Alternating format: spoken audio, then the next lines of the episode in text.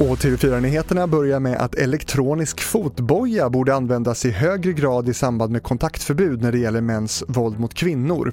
Det är ett av flera förslag till skärpningar som Kristdemokraterna framför i debatten som följt efter den senaste tidens uppmärksammade kvinnomord.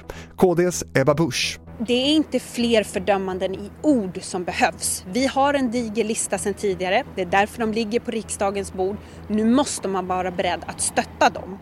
Snart kan snabbtest för covid-19 börja säljas på svenska apotek. Hittills har den så kallade CE-märkningen satt käppar i hjulet men nu har Läkemedelsverket beviljat ett sydkoreanskt bolag dispens, det skriver Dagens Medicin.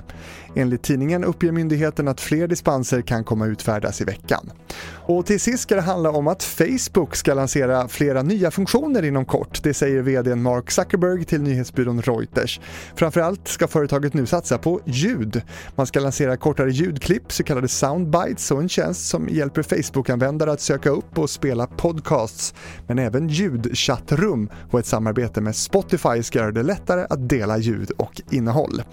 Det var TV4 Nyheterna i studion Fredrik Rahlstrand.